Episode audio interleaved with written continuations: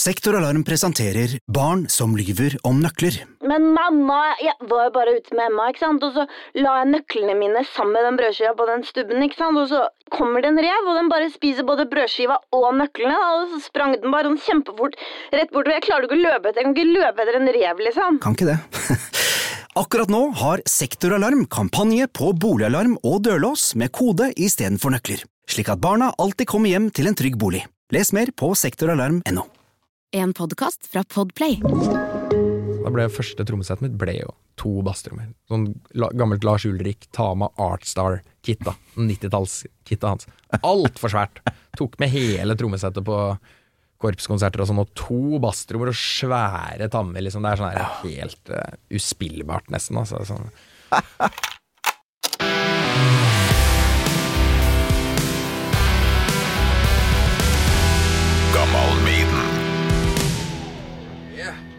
Der var du. Der var den, vet du. Og med headset. Opptaket er i gang. Oi, fy fader. ja, faktisk. Men Belgia, sa du hva som skulle skje der? Nei, der har jeg rota meg inn i noe sånn uh, veldig anti altså, Det er Mikk, da. Litt sånn anti-rock'n'roll-greier, altså. Skal til uh, Skal bli med en uh, frue ned dit og se en uh, hiphopartist liksom, ja, som heter Sabrina Claudio eller noe. Så det er Ja. det, det må ikke lytterne søke opp, for da mister jeg all troverdighet på alt jeg skal si etterpå. Nei, men, er, ja, men er ikke du en trommis som blir brukt til veldig mye forskjellig, Ja, og, og kan spille det meste? Jeg blir spurt om å gjøre veldig mye forskjellig, men uh, i det siste har jeg bare innsett at egoet mitt er for stort til å sitte og backe andre artister. Jeg må spille i band, jeg. Thorsvik. Ja, det er godt å høre. Der, ja. Inn med første snusen. Fader, jeg trodde mora mi skulle høre på der, ja, men nå kan jeg ikke be henne høre på det. Å ja, er det Ja, Nei, men det går helt fint. Det er podkast. Det kommer til å ligge der for evig tid. Ja, ok. Ja. Hun er ikke så god med Spotify og sånn, så vi holder det unna henne.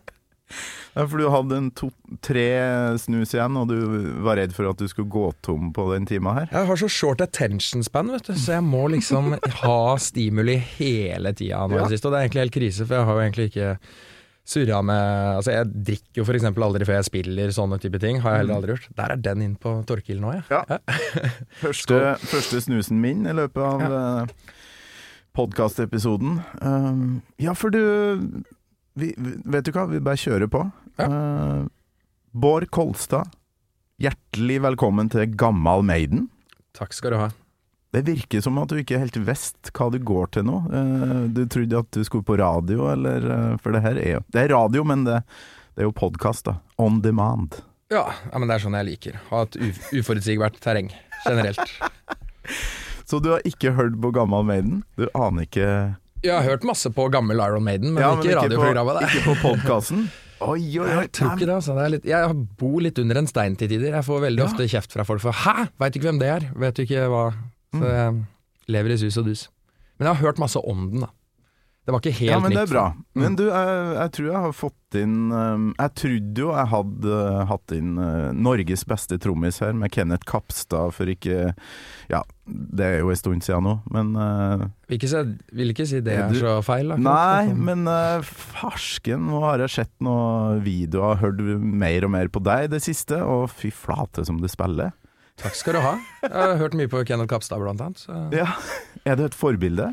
Ja, absolutt, altså. Jeg husker jeg spilte jo litt i et band som het eh, Godseed. Eh, altså litt sånn arv, eh, rett etter Gorgoroth, da, mye av de samme medlemmene fra Gorgoroth. Ja, det Når det gikk til helvete der med noe greier.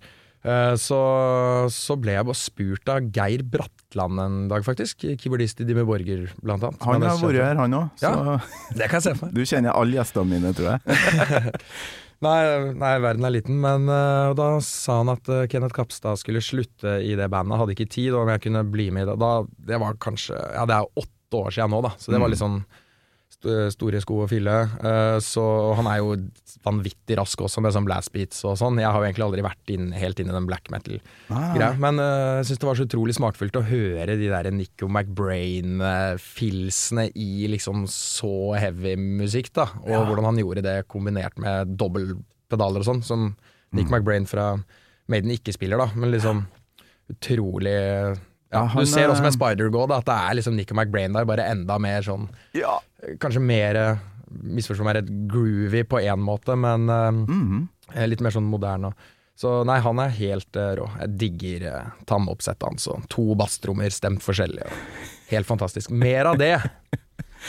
Ja, du har nok rett. Han, det kom fram i episoden, og det visste jeg fra før òg, at han har uh, blitt flaska opp på Maiden. Uh, ja. Han er Maiden-fan, det vet jeg. Noe så inni hampen. Men det som egentlig skjedde her, var at jeg satt på Instagram. Jeg fulgte vel ikke det, men du dukka opp i feeden min likevel, uh, med en video. Jeg skal spille av litt lyd fra den. Der er du i studio med et band som har vært innom Radio Rock. Uh, Jækla kult band som heter Fight the Fight. Og så er det et eh, klipp der du spiller det står en fyr med ei- kubjelle der, og så skal du klin klinke på den i det klippet her, da.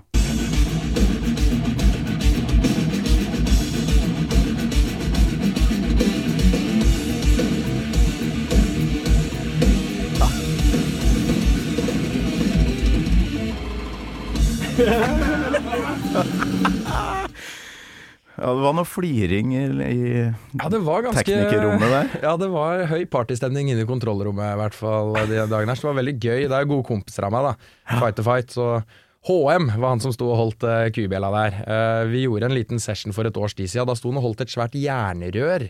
Som jeg brukte mer som en sånn ride-symbol. Ding, ding, ka, ding, ding, På sånn svært jernrør. Så det var egentlig litt sånn vi, jeg, jeg, Faen som du spiller her! Ah, det er så jækla Og det var jo en grunn til at jeg stoppa opp, ikke sant? For det, man scroller jo så jævlig mye, men av og til må man bare stoppe. Og på det her tidspunktet så måtte jeg bare det, og så så jeg Hæ?! Var det 80 000 likes eller noe sånt på en norsk trommis? Så så jeg på navnet ditt, faen hvem er Bård Kolstad igjen? Og så ja, glemte jeg det litt. Og så gikk det to timer, og så hadde jeg plutselig melding i innboksen min fra deg. Oh, ja. Hei, skal ikke vi snakke om uh, rock uh, igjen snart? Uh, og så spilte jo du i Leprous, og det gjør du fremdeles. Og har Mm. vært innom Radio Rock, så vi har jo treftes før. ja det, det er vel sånn fem år siden, kanskje? det Hva faen var det som skjedde der? Altså, hvor, jeg skjønner ikke hvorfor du begynte å tenke på meg, samtidig som jeg gjenoppdaga det. Ja, men jo- Sendte ikke du meg en melding etter du hadde sett de videoene? Jeg Var det ikke, jeg tror det var det? deg først, skjønner du. ja, kanskje jeg gjorde det. Og så sa jeg med en gang ja, fader, det, vi må jo Nei, jeg kommenterte på videoen, for jeg, jeg syntes det var så rått, det du Ja. spilte. Og så kanskje du eh, meldte meg etterpå. Men Ja. likevel, da. Det, det er skjebnen. Ja, men det, det er litt gøy med Eller sosiale medier er jo helt merkelig, ikke sant. Du har jo folk Det er jo mye band og artister som bruker masse penger på og tid, og har gjort det sjæl, òg. nå skal vi lage en dritfett live i studio-video, få det på YouTube, få det til å prøve å gå viralt og sånn, og så skjer det jo egentlig ingenting, men et sånt random studioklipp filma fra et kontrollrom, sånn som det klippet der, da, hvor du ser liksom i speilbildet ut, Altså utrolig dårlig kvalitet, men det er veldig sånn uh, in the moment, da. Det er ekte. Veldig instant, ja. Det her foregår, liksom. Og, og det var så Den låta der ble jo bare kasta i trynet på meg, så på, mot slutten, da. Gutta var sånn 'Kan ikke du spille litt på det her, da? Prøve et eller annet?' Og jeg var sånn Æh, Ja ja, vi kan prøve et eller annet. Og så ble det bare Prøvde jeg bare masse forskjellige ting, og så sitter jo gutta og drikker og koser seg og er, syns det er veldig gøy, da. Men jeg kommer jo egentlig fra en helt annen verden enn de igjen. Ja, du Um, gjør det. de er mer fra sånn punk-metal-verden, holdt jeg på å si. Ja. Og, så jeg, jeg begynte jo med Maiden, og forvilla meg dessverre inn i Dream Theater litt for tidlig. Eh, med all respekt til Mike Portnoy, altså han er, angrer jeg ikke på at jeg rota meg bort til, men faren med å begynne å i ung alder bli veldig fan av én trommis, er at du kan begynne å venne deg til å like musikken eh, også. altså, Ja. I hvert fall i, i Dream Theater. Nok om det. Det er mye bra eh, der. Uh, Helt klart, men klart. det, det må være gammelt, altså. Ja. Men uh, jeg skjønte jo etter hvert at jeg har jo snakka med deg, og du var på Radio Rock da, et flyktig øyeblikk i barndommen til Radio Rock når jeg hadde Leprous som gjest. Ja. Og det går jo Jeg har et lite potpurri. Jeg tror du er med på alt jeg har plukka ut her nå. Litt, litt Leprous foran og bak, og noe annet greier inni der. Så- Spennende. Ja, Nå er det, nå er du spent. Skal vi se.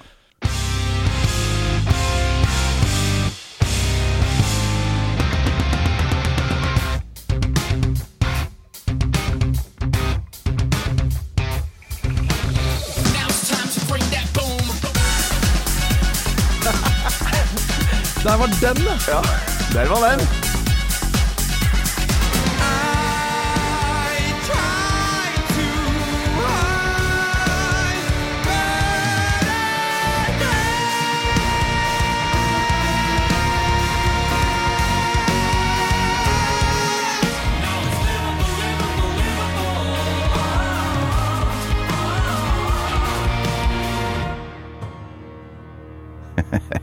Den var, den var Der tok du innersvingen, altså. elsker jo å sitte og lete fram noen sånne godbiter. Du, du er med på alt det her, ikke sant? Ja. Leprous foran og bak. eh, Den siste singelen eh, til slutt her, ikke sant? Så var det Rendezvous Point. Mhm. Snakker vi Det er noen år siden det her, da. Finnes på- det fremdeles? Ja, ja, jeg var Ja. på eventjobb i går, faktisk, med vokalisten der. Eh, Vi, men vi er litt eh, trege da med disse albumene. Men nå begynner tredje album å bli eh, klart. Det du spilte derfra nå, var jo innspilt i 2014, utgitt i 2015. Ja. Uh, så tida flyr, altså. Fader, det er uh... Og Kickslip. Ja, det, det var litt gøy at du tok eh, den, for vi, egentlig, vi lager jo egentlig ikke egen musikk, men vi prøvde en gang da å gjøre det for kjempelenge siden. Hva er konseptet der? DJ med trommis, Det er? DJ, og det er rett og slett eh, elekt, veldig kort forklart. Da, den elektroniske verden møter liksom rocke, Ja. eksplosive metal, et eller annet board-verden. Men det er jo det, det er noe jæklig sånn visuelt med å ha en trommis som eh, sitter og jobber på, på de rytmene. Sånn, klart, jeg husker jo Tarjei Strøm med, med, med datarock og Ralph Myers og de tingene der. Det var sånn Oi, det, det var jo mye kulere enn jeg hadde trodd, fordi det er en trommis der, ikke sant, som ser rocka ut og sitter og dundrer. han steppa inn for meg faktisk med kickslip eh, i fjor eh, på et sånt privat event da jeg Ikke hadde sant? trippelboka meg, holdt jeg på å si. Han har òg vært innom her, vet du. Han uh, hørte Ja, ja. hørte sin Maiden, han òg, men kanskje mest Kiss, han da. Ja, ja. Men du, vi, vi må høre på mer, vi må kose oss mer med det ting du har gjort etter hvert. Men nå, jeg har et fast spørsmål. Om du, Bård, husker første gangen du hørte uh, Iron Maiden? Oh, fy fader, ja, ikke sant. Første gang ja, Det jeg kan huske, var at fattern hadde tatt et eller annet sånn NRK2 lydverkeopptak eh, tilbake i 2003-2004 eller noe, kanskje. Da jeg kan huske at jeg okay. så det, i hvert fall. Og det var jo Rock in Rio, da. For det var jo fra 2001, vel. Jeg vet ikke når den ble gitt ut. Men Ja, tror det er 2001. det gikk i hvert fall på NRK, den konserten. Og det syns jo jeg var dritkult. Og så er jo jeg litt sånn distré, så det gikk kanskje et år eller to eller noe. Og så gikk jeg klasse på ungdomsskolen, da, i åttende klasse, med en kompis som også var fan av Maiden. Og da lånte jeg den Rock in Rio-DVD-en, og da hadde jeg spilt tromme litt lenger og sånn. Jeg satt på det da, så var jeg helt eh, frelst. Den introen Into the Wicker Man og ja, Inntil the Wicker Man der, det har jeg sett og hørt altså i hvert fall 150 ganger. Liksom.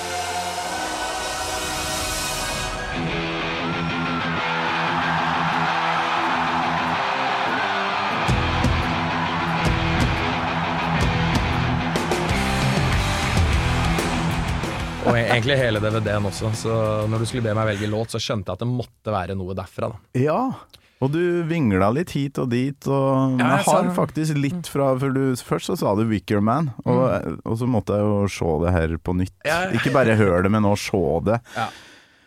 Og jeg glemmer fra gang til gang hvor uh, helt eksepsjonell energi det er i den konserten der. Hva faen var det de Ja, ja, gikk ja. på Ja. i det øyeblikket? Og vi kan høre litt fra allsangen på Wicker Man, som er bare sånn eh, Ja, man skjønner hvor jævla svært det er.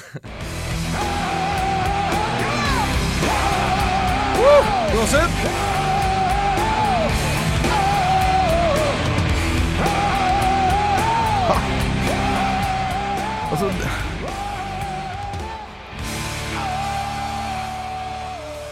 Og så begynte jeg, ettersom jeg skulle få en trommis på besøk, å høre ekstra mye på Nico da.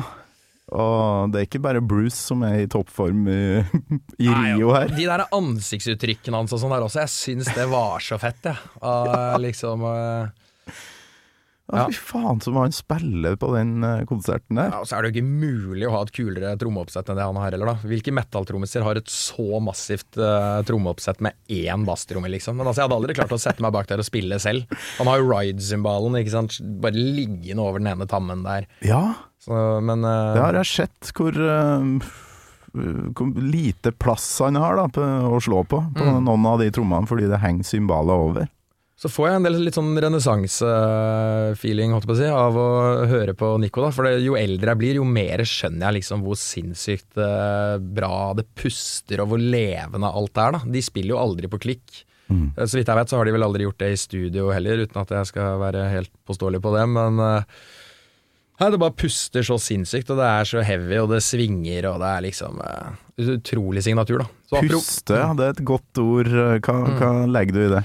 Nei, altså, det er, det er jo veldig mye sånn nymotens eh, metal, kan du si. Er kanskje mer industriell, og ting skal være veldig på klikk og Mm. Fenris fra Dark Throne har jo en helt fantastisk video på YouTube hvor den snakker om trommelyd, da. Hvordan, eh, hvordan det har gått gærent.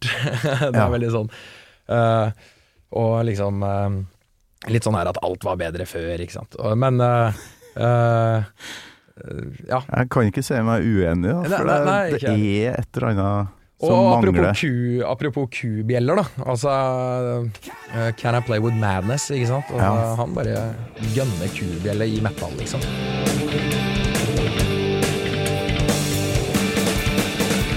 Ja. For der, der jeg drev og kødda litt med Fight to Fight-gutta om at eh, nei, vi må ha med noe kubjelle i det greiene her. Og de bare nei, hva fader, ikke sant. Og så ble det til slutt eh, det, altså.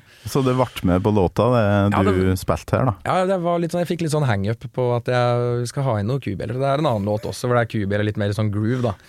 Så, så det er litt for å hedre Nico litt, da. Ja.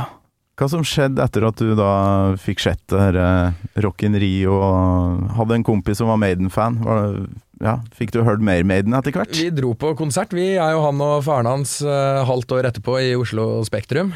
Ah, og det er det er litt flaut å si, men det er eneste gang jeg har sett i live. 2005, Oslo Spektrum. Det har Ja. bare liksom aldri klaffa. Men det ja, var men sånn eh, er det særlig for folk som holder på med musikk sjøl. Mm. Det er sjelden at det klaffer, at man kan planlegge i det hele tatt. Mastadon som eh, varmet opp. Også i det siste har jeg blitt litt sånn redd for ah, Har de blitt for gamle? ikke sant? Eh, Kan hende jeg blir skuffa av Og jeg vil liksom leve fortsatt på den 2005-haien. Husker jeg Mastadon varmet opp. Mastodon Ja, men det, de har jo til tider hatt bra oppvarmingsband. Eh, Mm. Vingler litt der. Men uh, liker du dem òg, eller? Jeg har ikke hørt så altfor mye på de, skal jeg være ærlig. Så jeg har sett de lite grann på noen festivaler jeg har spilt på sjæl. Mm. Uh, men de har jo blitt uh, Jeg tror den turneen satt uh, Turneen med Maiden der satt fyr på karrieren deres, da. De, Ja. har, de har bare vokst og vokst. Så. Jeg har perioder der jeg sitter og elsker Mastodon Mm. veldig. Og du skulle tro at du som spiller Leprous og litt lignende saker, faktisk hører på dem, da. For de har jo en trommis som Mm. har egenart, sånn som du har. Vil Jo, takk skal du ha. Ja. Nei, ja, jeg har sett litt klipp, og det er, eh, det er greia. Jeg rota meg kanskje litt for mye inn i sånn eh, Nei, litt uh, Ja, i proggen, holdt jeg på å si, da. I den nye liksom proggen og sånn. Og det er mye av det jeg nesten ikke klarer å høre på lenger, ikke sant. Men det er derfor jeg var så trommefiksert. Alt skal være liksom tromme, tromme, trommer. Ikke sant? Men Ja, hva eh, som skjedde der? For du eh, Vi kan egentlig ta det litt først nå, før vi går inn på låta du har eh, valgt deg. For jeg fant jo etter hvert ut at du har vært med på Norske Talenter. ja, og ja, Og har et lite klipp fra det òg, da, vet du. Bare for å mimre litt her, Bård. Håper det er greit? ja, kjør på. Ja, ja, ja. Gjør dere klare for gutten med trommestikkene. Her var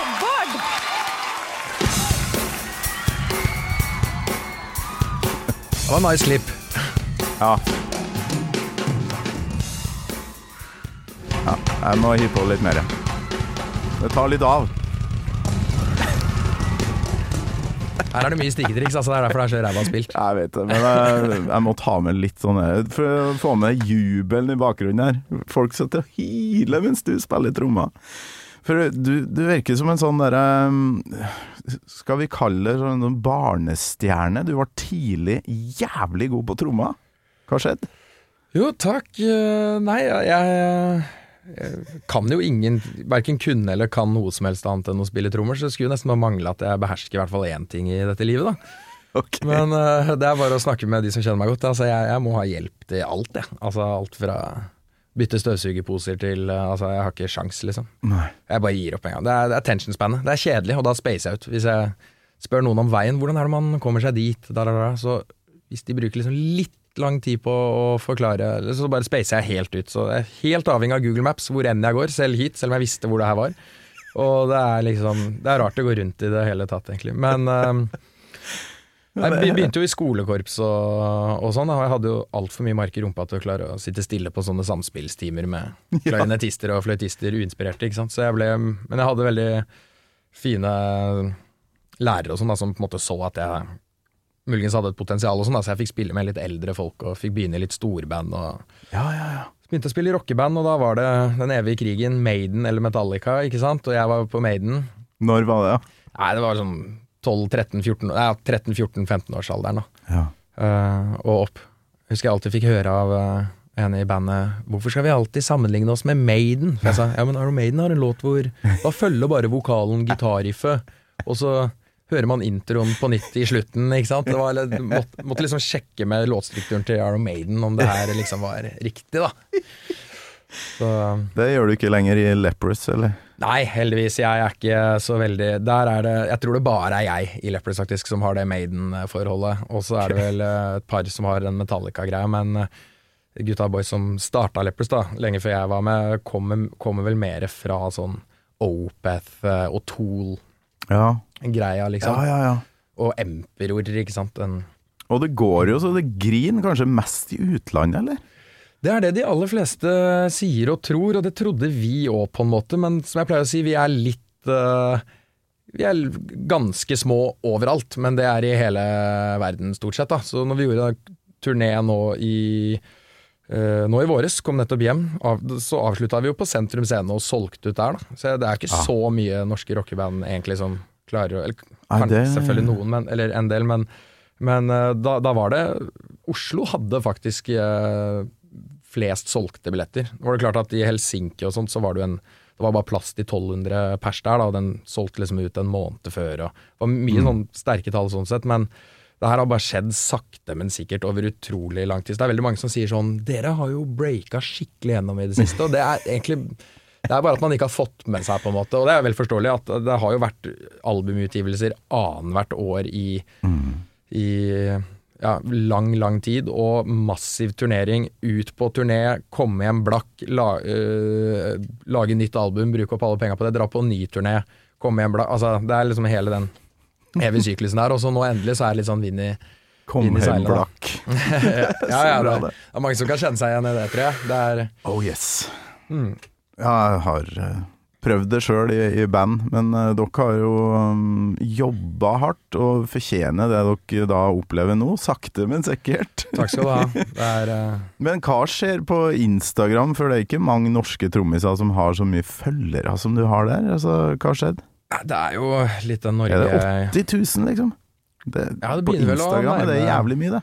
Ja, det skal sies at jeg har jo drevet den Instagram-kanalen der i liksom 10-11 år, og egentlig aldri vært Som jeg sa tidligere, jeg kan jo ingenting, så jeg kan jo ikke videoopptak, jeg kan ikke trommeopptak, jeg kan ingenting. Så det blir jo liksom iPhone-videoer og sånn en gang iblant, ikke sant. Ja, ja. Fra bak scenen og sånne ting. Så jeg hadde vel 37 eller 38 000 frem til øh, ja, en måned siden. Og så begynte de der videoene fra Urban Sound Studio her med Fight to Fight, som du viste i stad, begynte Ja. bare å gå helt viralt. Og så bare Så det sier litt hvor, holdt på å si, uforutsigbart sosiale medier er og sånn, da. Og man skal ikke bli for opphengt heller i akkurat antall følgere, for det er veldig stor forskjell på å ha, ha liksom x antall tusen følgere som alle har sett deg på en konsert, alle har liksom Altså, Mm. enn bare folk som swiper gjennom 'oi, den videoen var kul, han vil jeg følge', kanskje han legger ut noe nytt, sant. Ja, ja. Men øh, Nei, men jeg var ganske tidlig ute med En god barndomskompis sa til meg når jeg hadde litt sånn YouTube-buss da jeg var mindre, spilte på gata her ute på Jernbanetorget, ble, ja. ble det veldig mye sånn YouTube-greier da, fra turister og sånn med Street Drummer, ikke sant, for de ja, har ja, ja, ja. veldig mye sånn at hadde dette vært i mitt hjemland, hadde han blitt taua vekk av politiet med en gang. Og det skjedde jo faktisk noen ganger òg, men uten å gå mer inn på det, så var det sånn Det begynte å bli så mye buzz på den YouTuben, og jeg fikk så utrolig mye rare venneforespørsler og sånn på Facebook og ting og tang. Da sa en kompis til meg at nå må du lage en sånn artistside på Facebook, da. Da, da fantes jo ikke Instagram engang. Og da var jeg litt sånn studerte musikk og litt sånn norske vi ville synes det var, kanskje var litt flaut da, å skulle liksom digge seg selv så mye som, jeg, som, som det føles litt som da. Ja. Og så sa han bare det skal du bare drite i, liksom. Jeg tror faktisk uh, de du studerer med og folk og sånn, faktisk syns det er kult også, selv om de ikke kanskje hadde turt å lage en sånn side selv på det tidspunktet. Så da gjorde jeg det, så jeg har alltid vært relativt flink med å skjønne at uh, man må bare komme seg ut her, Mm. på en Ja. eller annen måte. Mm. Har jo klipp av det òg, jeg, vet du. Vi må ut, ut på gata. Der sitter du nede på Aker Brygge en plass, og det står masse folk rundt og hører på. Det er ganske lite trommesett, da. Til det. Bruker du litt mer kanskje nå? Ja, ja. ja. Det var viktig å se litt fattig ut når man spilte på gata her. Er. Eh, Litt sånn hullete T-skjorter og sånn, som fikk litt mer penger, ikke sant. Det var en del av business-ideen. Ja. Ut på Aker Brygge.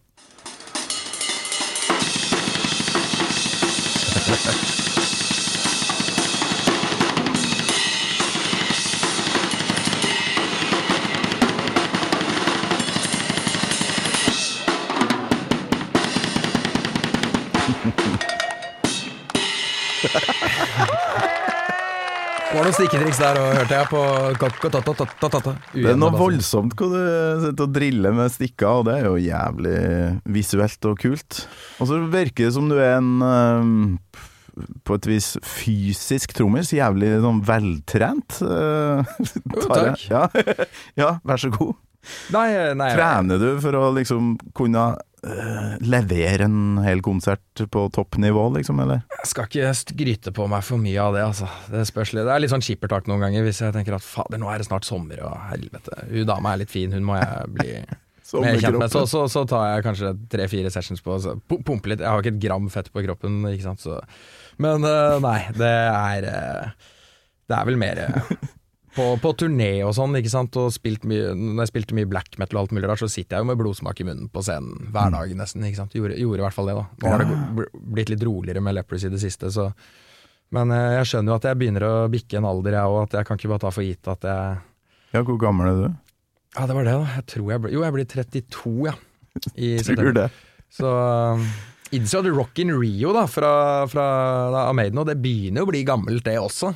Ja. Jeg fikk jo fikk litt kjeft av Abbat en gang, husker jeg, fra Immortal, da jeg nevnte liksom Brave New World, det er litt albumet mitt da, fra 2000. Oh, ja. Da, da var det liksom Det var ikke Det var ikke riktig album. Og, Å nei. og svaret nei, det skal jo være 80-tallet der, ikke sant. Ja, ja, ja, så klart. Som er enda Det er jeg for så vidt enig i, da. men det, ja, men det er over 20 år siden Brave New World, altså. Ja. Og, og Rock in Rio. Vi skal dit nå. Hvilken låt datt du ned på, Bård? Nei, Jeg satt jo og kjørte rundt i kjerra og hørte på Rock and Rio fra start til slutt, og, og bare innså at uh, når Murray setter i gang med den soloen på Rathchild der, så fikk jeg gåsehud liksom i kjørende stund, og da, det, da må det bare bli den. Det ble et øyeblikk der, ja. Men vi må ha med introen. Ja, det må vi.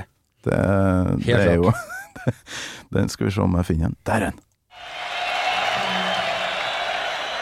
Something old! Something new! Something from our Jurassic period. Rothschild!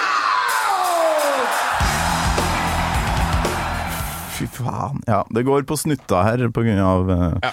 Kan ikke spille hele låta, men uh, vi hører litt mer fra, fra introen.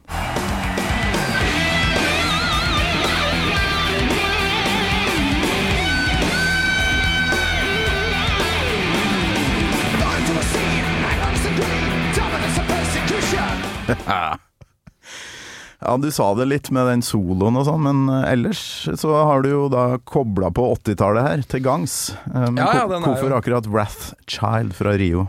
Nei, det, det var jo det her når du sa at jeg måtte velge en låt, at jeg begynte med ja, det må vel bli The Wicker Man, og så kom jeg inn i gammelt nostalgimodus da, da jeg kjørte, satt i rushen her og kjørte og hørte på det her på full guffe, og så, og så bare dukka det opp så mye deilige minner, rett og slett, av både den bassintroen og egentlig den soloen som jeg senere tenkte på, da, hvor jeg fikk liksom skikkelig goose, uh, goosebumps, og så er det bare så det er så fantastisk bra trommespill og deilig sakking av hele bandet, og at det puster, da. Lever, liksom. Ja. Hele veien. De har så kontroll. Spiller for 250 000 mennesker, liksom, i, i Rio der. Og. De minnene du snakker om her, hva er det da?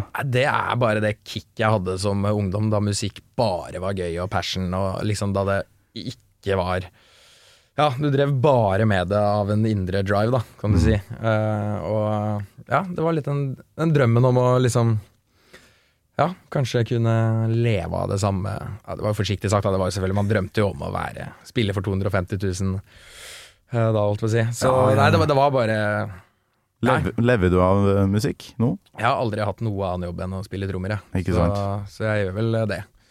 Sånn sett har drømmen gått i oppfyllelse. Men har, Ja har du mesta den derre at det bare er drive og lake og kos? Føler du? Nei, nei, jeg vil vel egentlig ikke si det. Det er liksom uh, Du kan si du har jobb og du har hobby og det ditt og datt, men det blir jo på en måte bare en livsstil, hele greia. Men det, det er viktig å sette litt pris på øyeblikkene, og det kan jeg være litt dårlig på noen ganger. Jeg kan være Når vi er på en turné jeg har gleda meg veldig lenge til, så er jeg nesten sånn mentalt så er jeg ferdig med den turneen nesten. Nå tenker jeg mer på at vi skal til Latin-Amerika om et halvt år, og så er jeg mer sånn tenker mer på det, ikke sant. Og har veldig sånn uh, hodet overalt på, på stell Nei, over, all over the place, da. Og så Mm. husker jeg tok meg litt i det på starten av den turneen med Lepers nå, at når vi liksom vi var veldig fornøyd med f.eks. For selge ut en venue i Køln, da, med 1100-1200 cap, ikke sant, og det var shit, dette er fett, og da eh, så rekker man liksom ikke å lande fra den gigen før man spiller i Nederland dagen etter for liksom enda flere folk, og man begynner å tenke da at alle de her har kjøpt billett og reist rundt, eh, reiser rundt bare for å se oss nå, liksom. Altså sånn, så ofte er jo en sånn men sant, når det er konsert hver eneste dag, så rekker du nesten ikke å lande, på en måte. Så, så det er ofte jeg tenker sånn Fader, hvor mye gøyere det her hadde vært hadde det bare vært en langhelg, liksom. Køln, Nederland, og så Paris dagen etter, og så hjem. Da kunne du liksom leve.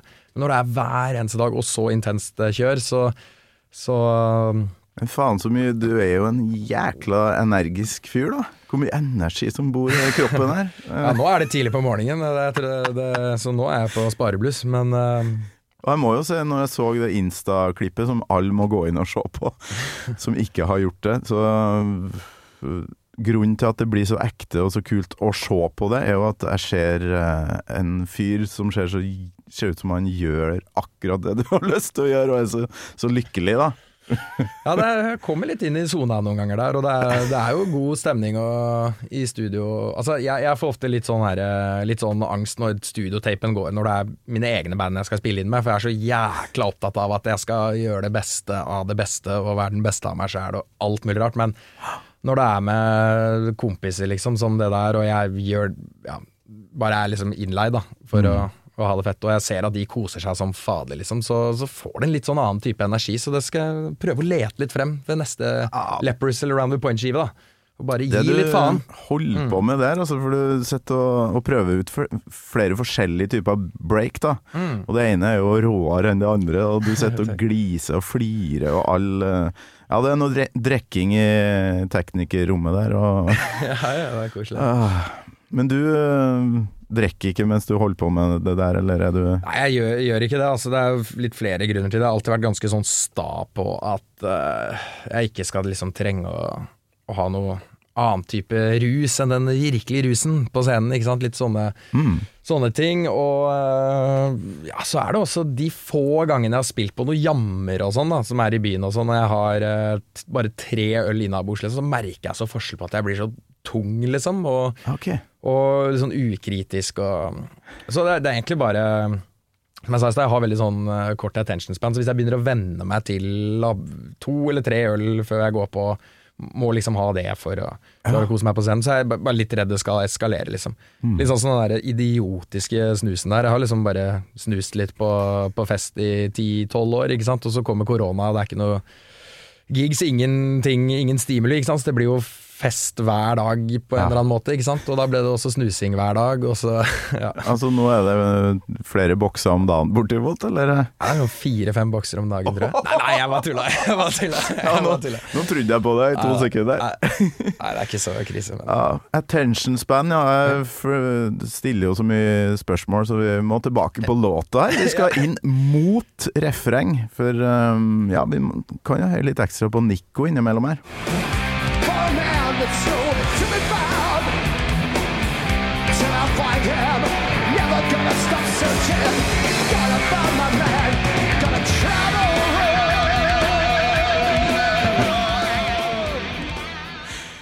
Han leker seg, koser seg, og den basstromma med én fot. Ja, ja, ja. ja, det er Det er mye sånne jævlig kjappe sånn dobbeltslag her og der som mm. er sånn Hæ? Hvordan er Sitter det jo, sitter jo i sånn tights. Det er ikke så ofte du ser føttene hans på denne Rock and Rio-klippen, du ser det et par ganger, liksom. Han, Det jobbes på. Han er jo en sånn derre utrolig energisk sånn moroklump eh, på videoer Ja, ja, ja, ja. og sånne ting, så kanskje dere faktisk er litt lik der. Er det en sånn trommis trommis-gen? Det er et eller annet med oss som ikke er skrudd sammen riktig, tror jeg. Han er jo jævlig bra. 'Listen with Nico', det eh, B-sidesporene eh, som ble sluppet på 80-tallet, i hvert fall. Ja, ja, ja. Det er masse sånn bare babler av gårde. Mm. Og der, er- der er du òg jævlig god, altså. Det er, Jo, blir bra podkast, Bård. Men vi må inn i refrenget.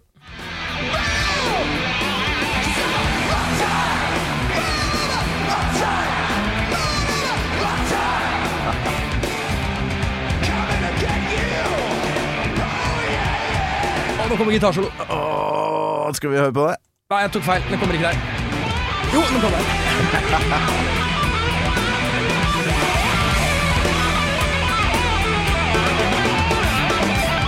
Fantastisk trommefilm. Ja, det er så mye her! Så det, her har vi øyeblikket der du skjønte at da blir det den låta her. Ja. Det var når du begynte å mase på at nå måtte vi velge, liksom. Ja. Eh, Riktig. Da tenkte jeg jeg, kan ikke la denne Rathchild gå. Er det soloen, eller er det Nico her, eller er det hele pakka? Det er hele greia med Bruce sin intro der, også, og det bassgreiene og trommegreiene i starten, det var jo helt rått. Det, det var jo min eh, Mitt eh, sånn virkelig øyeåpner for å begynne å digge slap-bass, da. Ja. Så der gikk det også litt galt, men uh, ja, det er vel ikke slapping? Nei, det er jo ikke det, vet du. Sånn der, Det er bare hardt fingerspill, liksom. Ja. Og en, en eller annen spesiell type strenger, er det noen som har sagt. Som, uh, som lager den her litt klekkeaktige lyden. da. Mm. Men uh, hvordan reagerte du da du da fant fram Killers og Wrathchild originalversjon? Eh, Ja, Husker du det? Ja, jeg gjør vel egentlig det. Altså, det første studioalbumet jeg hørte av Maiden, var jo Jeg hadde en nabo da som hadde jækla mye musikk. eh, Det var jo den tida da, det var jo ikke Spotify eller Men man kunne begynne å laste ned fra. Eh, Men jeg eh, var aldri så god på data eller noe, så pappa tok jo og brente masse CD-er, da. Fra, fra dette nabobiblioteket her, med alt fra Dio, og det var Arrow Maiden, Devin Townsend Oi. Ma- Maiden, ikke minst, da. Ja, ja. ja. Eh, og tok til og med gikk på jobben opp, og, og kopierte opp liksom albumcoveren og sånn, så jeg liksom skulle føle jeg hadde de CD-ene selv. Liksom. Vi hadde ikke så bra råd. Så det var, det var litt sånn eh, det, ja, det er relativt ulovlig, Snill, da. snill pappa, men Jeg var ikke så eh, snilt mot artistene, da, å drive og brenne låter. Sånn. alle gjorde det på det her tidspunktet. Tidlig 2000.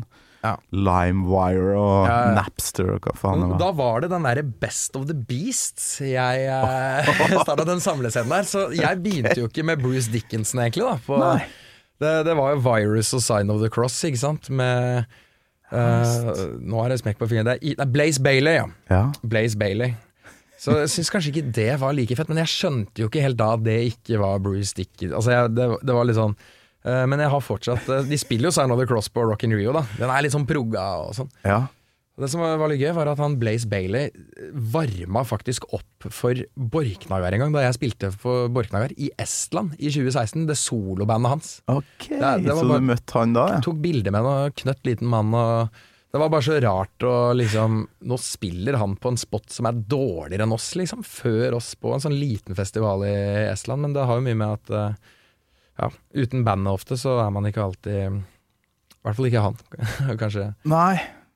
Veldig sånn budget-band. Eget band i Skandinavia, eget band i UK, for å liksom spare flybillettene. Ikke sant? Ja, er stemmer. Det, liksom. så, det, så det var um, Ja, men uansett, jeg Han har hatt noen eh, oppturer og noen nedturer, for å si det sånn. da. mm, Det jo, må jo være en slags forbannelse, og sikkert litt kult òg, men uh, å ta over etter eh, Bruce Dickinson, og så få fyken igjen, Mm. der Bruce Dickinson kommer tilbake, mm. er ikke så, ikke så rart at uh, at jeg sitter igjen med et inntrykk av at det var kanskje ikke meant to be, da. Nei da. Men jeg skal ha for at han holder på. Prata du med han og sånn? ja? Ja, gjorde faktisk Ja. det, altså. Hyggelig, hyggelig kar. Ja, veldig down to earth. Ja. Han kom inn så beskjedent og spurte om vi kanskje hadde noen ekstra øl oh, ja. inne på backstation. Det var liksom utrolig oh. Det skal du få. Ja visst. Ja, men Så utrolig kult gjort av eh, far din, da. Men da fikk du jo etter hvert hørt 80-tallskatalogen, Ja, vil, ja, jeg- ja. vil jeg tro. Ja, ja, ja. Da var det Det ble Man gønna bare på. Da. Killers, Number of the Beast, Peace of Mind. Ja. uh, greia, greia der. Uh, Power Slave. ja, ja, helt klart. Steike. Det er jo fremdeles mitt favorittalbum, ja.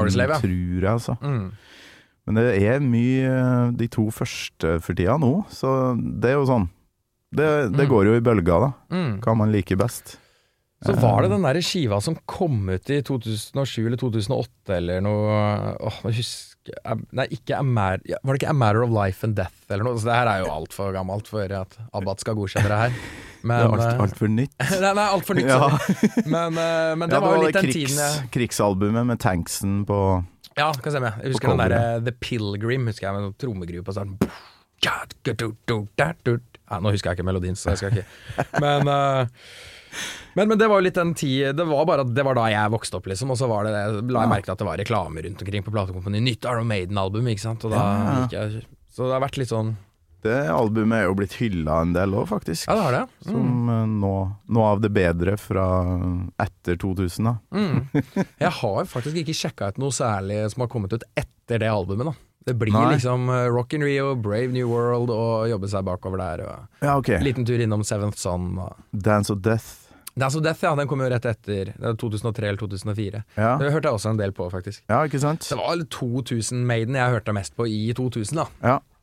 Faktisk. Final Frontier og Book of Souls og Senjutsu, den har du kanskje ikke Nei, Book of Souls har jeg heller ikke sjekka for mye ut av. Nei. Men uh... Nei, det, det må du jo gjøre i et ledig øyeblikk, men det har du ja, jo det, ikke. det skal jeg. Ja, jo, jo, jo. Nå har jeg fått meg bil og mista det litt, så da har fått deg bil, ja. Jeg har gjort det. Og da ja, må du ha det pga. trommene, eller er det Nei, det var bare Jeg fikk bare litt hangup på at nå må jeg Altså, den bilen jeg har, jeg har jo ikke plass til noen trommer, så det var jo litt sånn så, så når jeg kom på spillejobb i går med en sliten varebil, så begynte gutta jeg spilte med å le litt, da. Ja, du gikk for en bil som akkurat ikke hadde plass til noe, noe trommer. Så det er litt sånn, bare bli voksen? Ja, litt sånn forskuttering av 40-årskrise. Eller bare en forsinka 20-års eh, markeringsbehov. Ja, ja, liksom. ja. Men det virker som du oppdaga Maiden etter at du har blitt trommis, så hva var Jeg bruker jo å spørre gjestene hva som var det første, liksom Wow, det her Nå står ikke verden til påske, nå, jeg, nå, nå skal jeg holde på med rock, liksom. Hva var den første rockekicket ditt? Første bandet? Godt spørsmål, ass. Det kan godt Eller var det hende, korps? egentlig. Nei, ja, det, jeg begynte jo i korps. Ja, ja. Det, det, var jo det. Jeg syns det så jækla gøy ut med Altså, søsteren min gikk i lokale skolekorpset, spilte horn, og fattern var litt sånn uh, foreldreansvarlig, ting og tang, holdt i ting og greier der, og da spionerte jeg litt på disse trommisene, syns jo det så jækla kult ut, men jeg tror kanskje mitt første sånn rockeøyeblikk som jeg kan huske egentlig bare var i eh, gamle campingbilen eh, som vi hadde, at eh, pappa dro på noe Dire Straits, 'Money for Nothing'.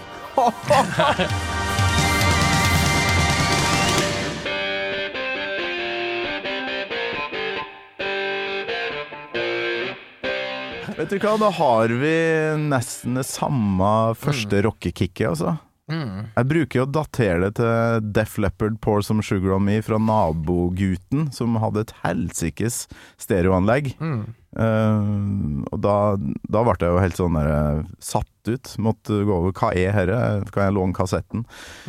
Men det er jo pappas kassettsamling eh, som er det første, så da for min del òg Brothers In Arms-albumet. Og, Ja, ja, og den derre trommeintroen på Money For Nothing.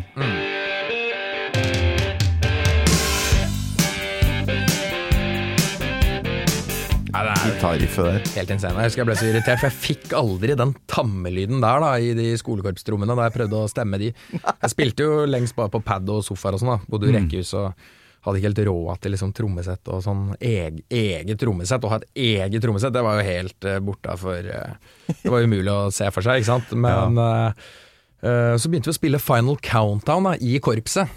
Eller det kan du tenke deg hvordan oh. låt. Men det tror jeg faen meg har vært med på sjøl. Jeg har spilt saks, jeg, da. Så. ja, ja. Altså, surt og jævlig, ikke sant. Men Så hørte jeg originalen, ikke sant. Hørte originalen, og da hørte jeg hvordan kan det trommefilet før soloen der gå så fort? Så skjønte jeg at det var to basstrommer, da, ikke sant. Og da begynte det å åpne seg opp en liten verden. Så da ble første trommesettet mitt ble jo to basstrommer. Sånn gammelt Lars Ulrik Tama Artstar-kit, da. 90-tallskittet hans. Altfor svært. Tok med hele trommesettet på korpskonserter og sånn, og to basstrommer og svære tammer, liksom. Det er sånn her helt uh, uspillbart, nesten. Altså. Sånn. You're listening to a podcast. I'm Bruce Dickinson. You're not. And you're listening to Gamal Maiden. Å, fy flate. Nå har du fått nevnt uh, veldig mange låter her som, uh, som er sånn der eh, første rockeøyeblikk for veldig mange. Født etter Kiss-æraen, 70-talls Kiss. For det er jo det første for eh, 50% av gjestene mine, tror jeg. Men etter det, Final Countdown, ja. Pour Some Sugar On Me, Def Leppard og Dire Straits. Mm. Knutsen og Ludvigsen var jo faktisk viktig for meg, selv om det ikke er et rockeband, så hadde de rock.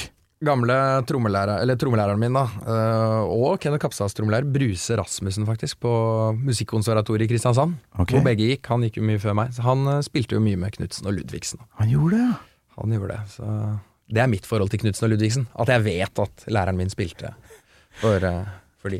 Ja, det, det, hvis jeg hadde møtt han, så hadde det vært stort for meg. For Ja, ja, eh, det var første rockestjernene i, i mitt eh, liv. da. Ja, ja, ja. Jeg tenkte at uh, de var sånn uangripelige storheter, liksom. Mm. Ah, hvor har vi kommet? Vi har hørt det øyeblikket ditt i soloen.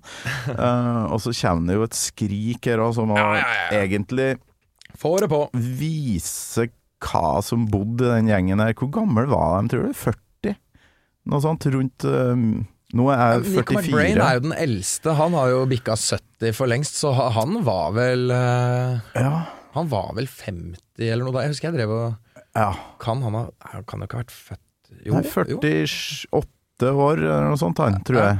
Hvis, det ikke, tar helt feil. Det må jeg faktisk feil. bare sjekke mens vi hører på det skriket. Han har bikka 70, og det her er 23 år siden. Ja. Så um, da var han um, nesten 50. Nei, bare hør på energien her.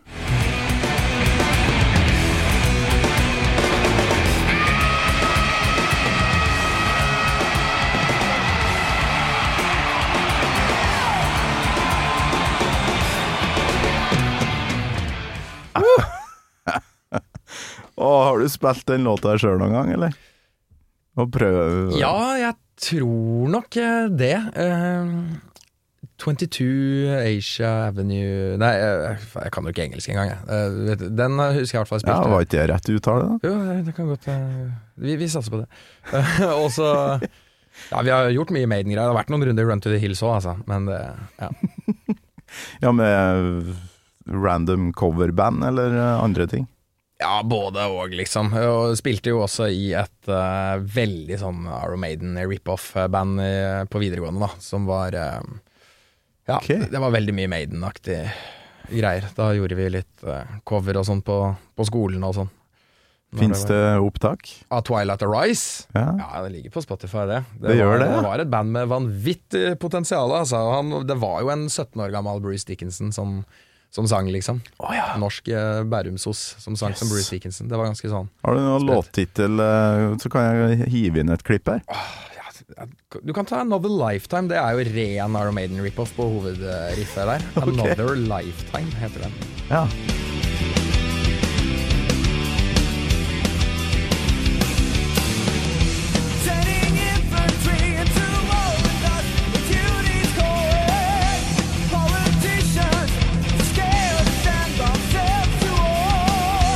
Har dere rippa for noe da? Nei, det er, det er, det er jo litt sånn, eh, sånn flerstemt gitarmelodi som Ikke sant. du bare hører låtstruktur, og ekstrem vibrato på øh, vokalen, ikke sant. Kanskje litt i, litt i overkant, selv for Bruce Dickinson også, det vibratonivået som var den gang. Men vi var bare 16-17 da, ikke sant, og bare Det var Maiden og, og Priest, liksom. Ja. Det er også et skikkelig moment, altså. Første gang jeg hørte Hellrider.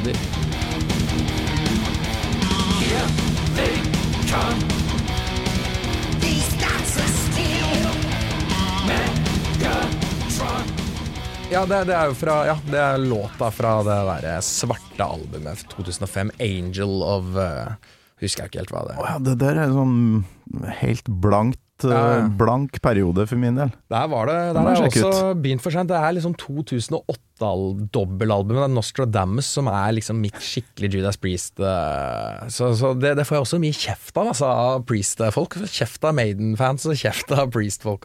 Ja, men eh, sånn derre visste alt, name-droppe, liksom være et sånn jævla leksikon, det har jeg ikke skjønt greia med. Må jo gå an å Ja, jo, jo, ikke ha peiling på alt, altså ikke ha hørt alt. Nei, jeg skal ikke si så mye, for jeg kjefter på folk som påstår at nye Dream Theater er bra også. Så, så det er eh, Vi må, vi må ha Nei, 80- og tidlig 90-talls Priest og den Firepower som kom i 2018 eller noe sånt.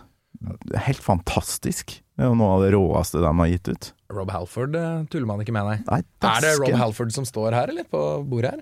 Nei, det, jeg syns det er sånn fra sida så litt det ligner litt, ja. Det er en sånn nisse Ja. med pilotbriller. Vet da søren hvem som har klinka inn den i studioet her.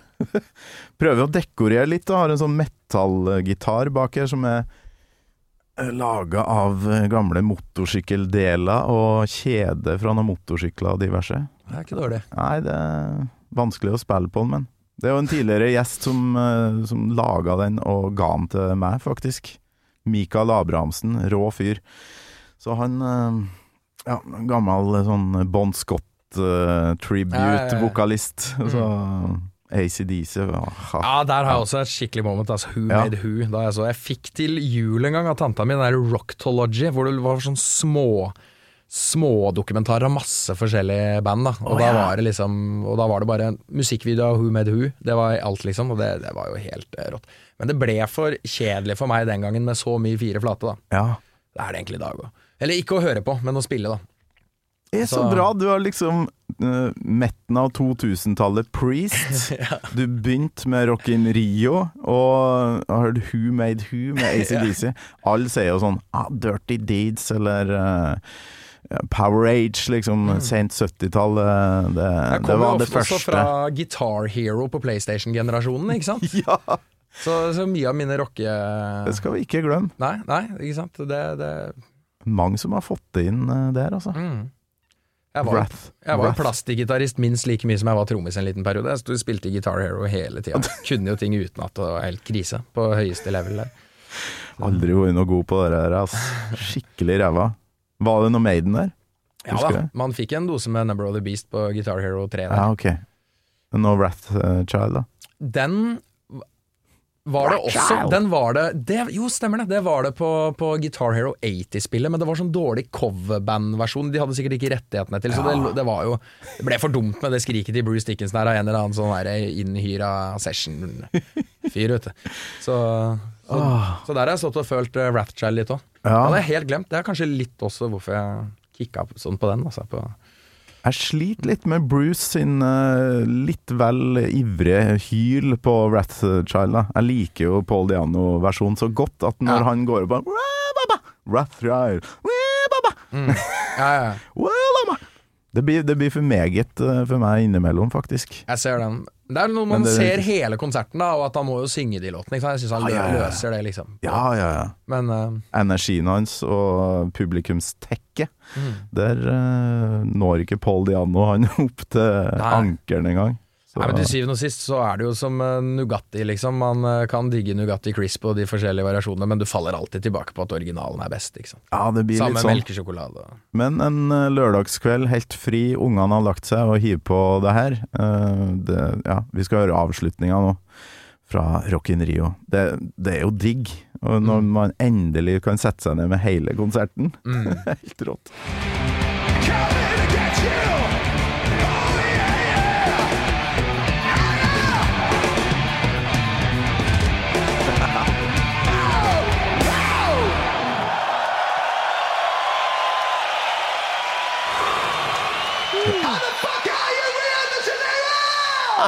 Deilig! Scream for me, Brazil! Der er det ikke autopilot Bruce, altså. Der er han så gira at han eh, Ja. Ja, ja, ja. How the fuck are you? Deilig! Det er så digg. Og det puste, som du sier, det, det var et godt ord, altså. Mm. Ja, det spillet til Nico, det er jo Det er vanskelig å, å gjøre sånn som han gjør. Du skal holde kål på tre gitarister og en bassist som løper rundt deg, liksom, og de spiller jo sammen på så flott Det er ikke noe minnepenn eller noe klikk på øret der, altså. Det er pure feeling, liksom. Ja. Er det det som du digger med han? Ja, ja, ja, ja, helt klart. Det er eh, Jeg kommer ikke på en eneste annen trommis liksom som eh, når opp til Nico sånn sett. Altså, ja, Kenneth Kapstad, da. I en, en liksom nyere Eller hva skal jeg si. Uh, men han har utrolig mange andre influenser også. Så er det én trommis jeg hadde stolt på kunne steppa bra inn for Nicky McBrain, da, og hadde tatt det skikkelig på alvor og fått det, så det hadde vært jækla gøy å høre Kenneth Kapstad spille med Maiden, liksom. Høre hvordan han hadde Ja. løst det. Åh, det har vært rått. Kanskje han kunne ha bryna seg på det Jeg tror, jeg tror ikke han hadde sagt nei. Nei, det Eller kanskje jo, Jo, han kanskje. snakka om at han hadde sett Adrian i hans episode. Hadde sett Adrian Smith på, på en flyplass, og så Ja. bare sånn jeg, jeg kan ikke møte den, så han Nei. bare begynte å sprenge i annen retning Ja, ja. for å slippe Det er litt typisk norsk, det. Må- Altså, jeg, jeg skjønner det. Jeg måtte si I love your music. music. det, er, jo- er bare det man får sagt. Du blir liksom bare en av alle gjøkene, ikke sant? Jeg skjønner jo liksom ja. Nei, rått. Um, men han uh, Har du prøvd deg på breket her?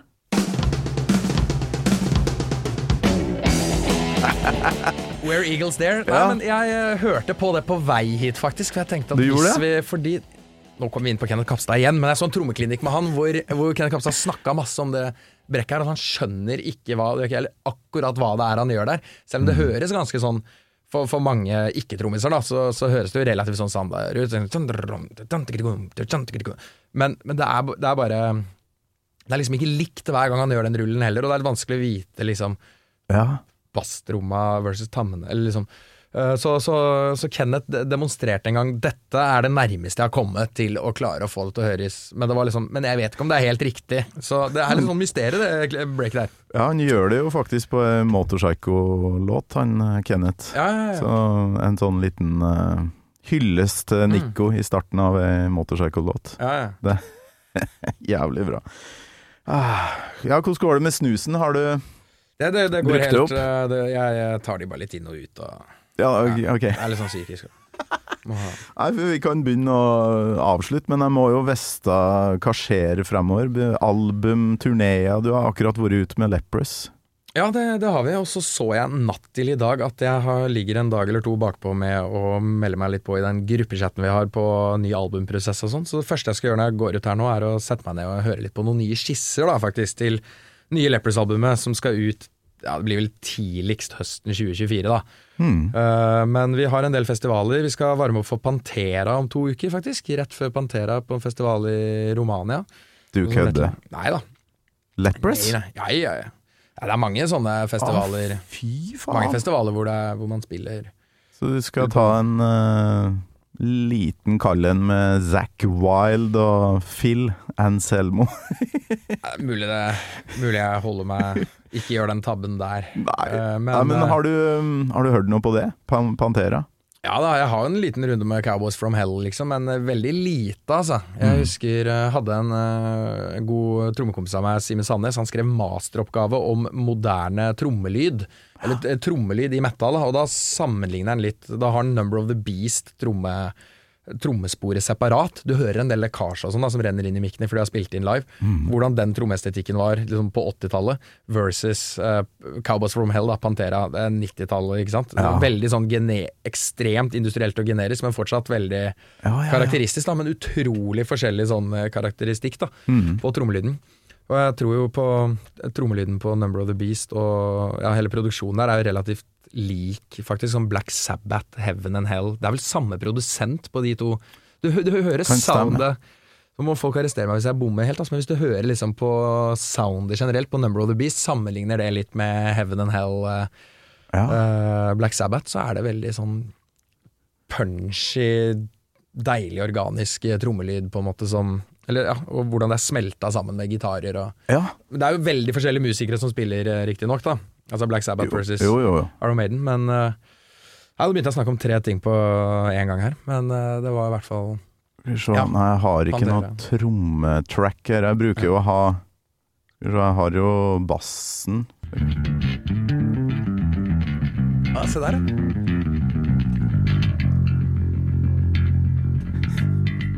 Det er så deilig å høre på det her. Ja. Jeg kunne ha Det er så gøy, for sånn type basslyd og greier i dag hadde liksom ja.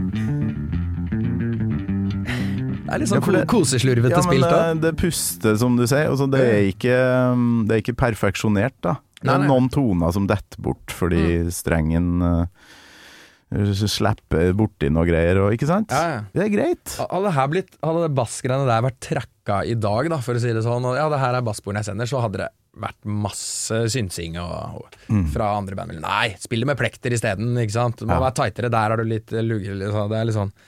Ja, for Men eh, jeg elsker sånn eh, nerding som vi er inne på nå. Men eh, du har nok rett der. Eh, jeg må sjekke om det er han Martin Birch som har produsert Heaven and Hell. Det ble jeg litt usikker på nå, men han var jo innom veldig mye bra band på slutten av 70-tallet, før han ble Maiden-produsent nummer én. da. mm, Tok jo alt fram til Fair of the Dark, Mm. 1992. Så Ja, så det blir litt låtskriving og sånt. eh, Og så Det blir, blir det, du så leid del, eh, inn, eller? Til andre prosjekter? Ja, det hender jeg blir spurt av noen folk over dammen og, og sånn, da. Ja. eh, Om å, å, å gjøre ting. Men da, da er jeg veldig sånn på at eh, det er jo egentlig ikke min interesse ikke sant, å spille på et eller annet random. Det fins jo så mye musikk å gjøre. Som, så så da, da tar jeg jo greit betalt for det, kan du si, da. Og, så, så jeg Det må le- man jo. Jeg lever i stor grad av det, rett og slett. da Kunne melke litt at uh, folk, uh, folk kanskje er veldig fan av Lepris eller av, av det jeg spiller på trommer og der og da, og vil Og det er jo gjerne folk som er leger eller advokater eller et eller annet, men også spiller i Spiller i band, da, som gjerne har økonomien til å Altså, musikere har jo ikke råd til å betale musikere, Nei, Men, eh, nei, nei. nei. men eh, så, så jeg gjør litt sånne ting også. Og så blir det jo en del festivaler denne sommeren, og så skal vi til Latin-Amerika da i november. Det blir alltid gøy. Det er Mm. beste, beste publikum i verden. Ja, det er det. Jeg syns det, altså. Rio. De er så emosjonelle. Rocken Nei, nei, Rio. Sa, Sa Paulo, da. Sa Paulo, dessverre. Det blir ikke Rio, men uh, ja, så Costa Rica, Colombia, Chile. Da. En dag. En dag så setter du på scenen på Rock in Rio, vet du. Det hadde vært noe, det, altså. Tenk at eh, nå er ringen slutt, da. Ja. Her satt Nico, for eh, ja, det har han gjort noen ganger nå, men det er helt rått. Og alle må komme seg inn på der man hører på musikk og hører mer på Leprous, og, og se det klippet på Instagram, og se hvem du er, for der, der, eh, der ser jeg at eh, du koser deg i hvert fall. Jo, takk skal du ha. Det, var, det ble overraskende gøy, det fjollet vi dreiv med der, altså. Fjoll. 80 000 likes, må, det er ikke bare fjoller i det. Det er jo noen som ser at det er ekte, i hvert fall. Ja, ja. Skjønner det. Det var mye i kulissene der som ikke kommer frem på, på video. Men eh, nei, men det er gøy. Det er gøy. Håper du har kosa deg, Bård. Absolutt. Det er aldri feil å sitte og nøle med Maiden og høre på Steve Harris bass tracks. Helt enig. Tusen takk for besøket. Takk det samme. Gammal Maiden med Torkel Thorsvik. En podkast fra Radio Rock.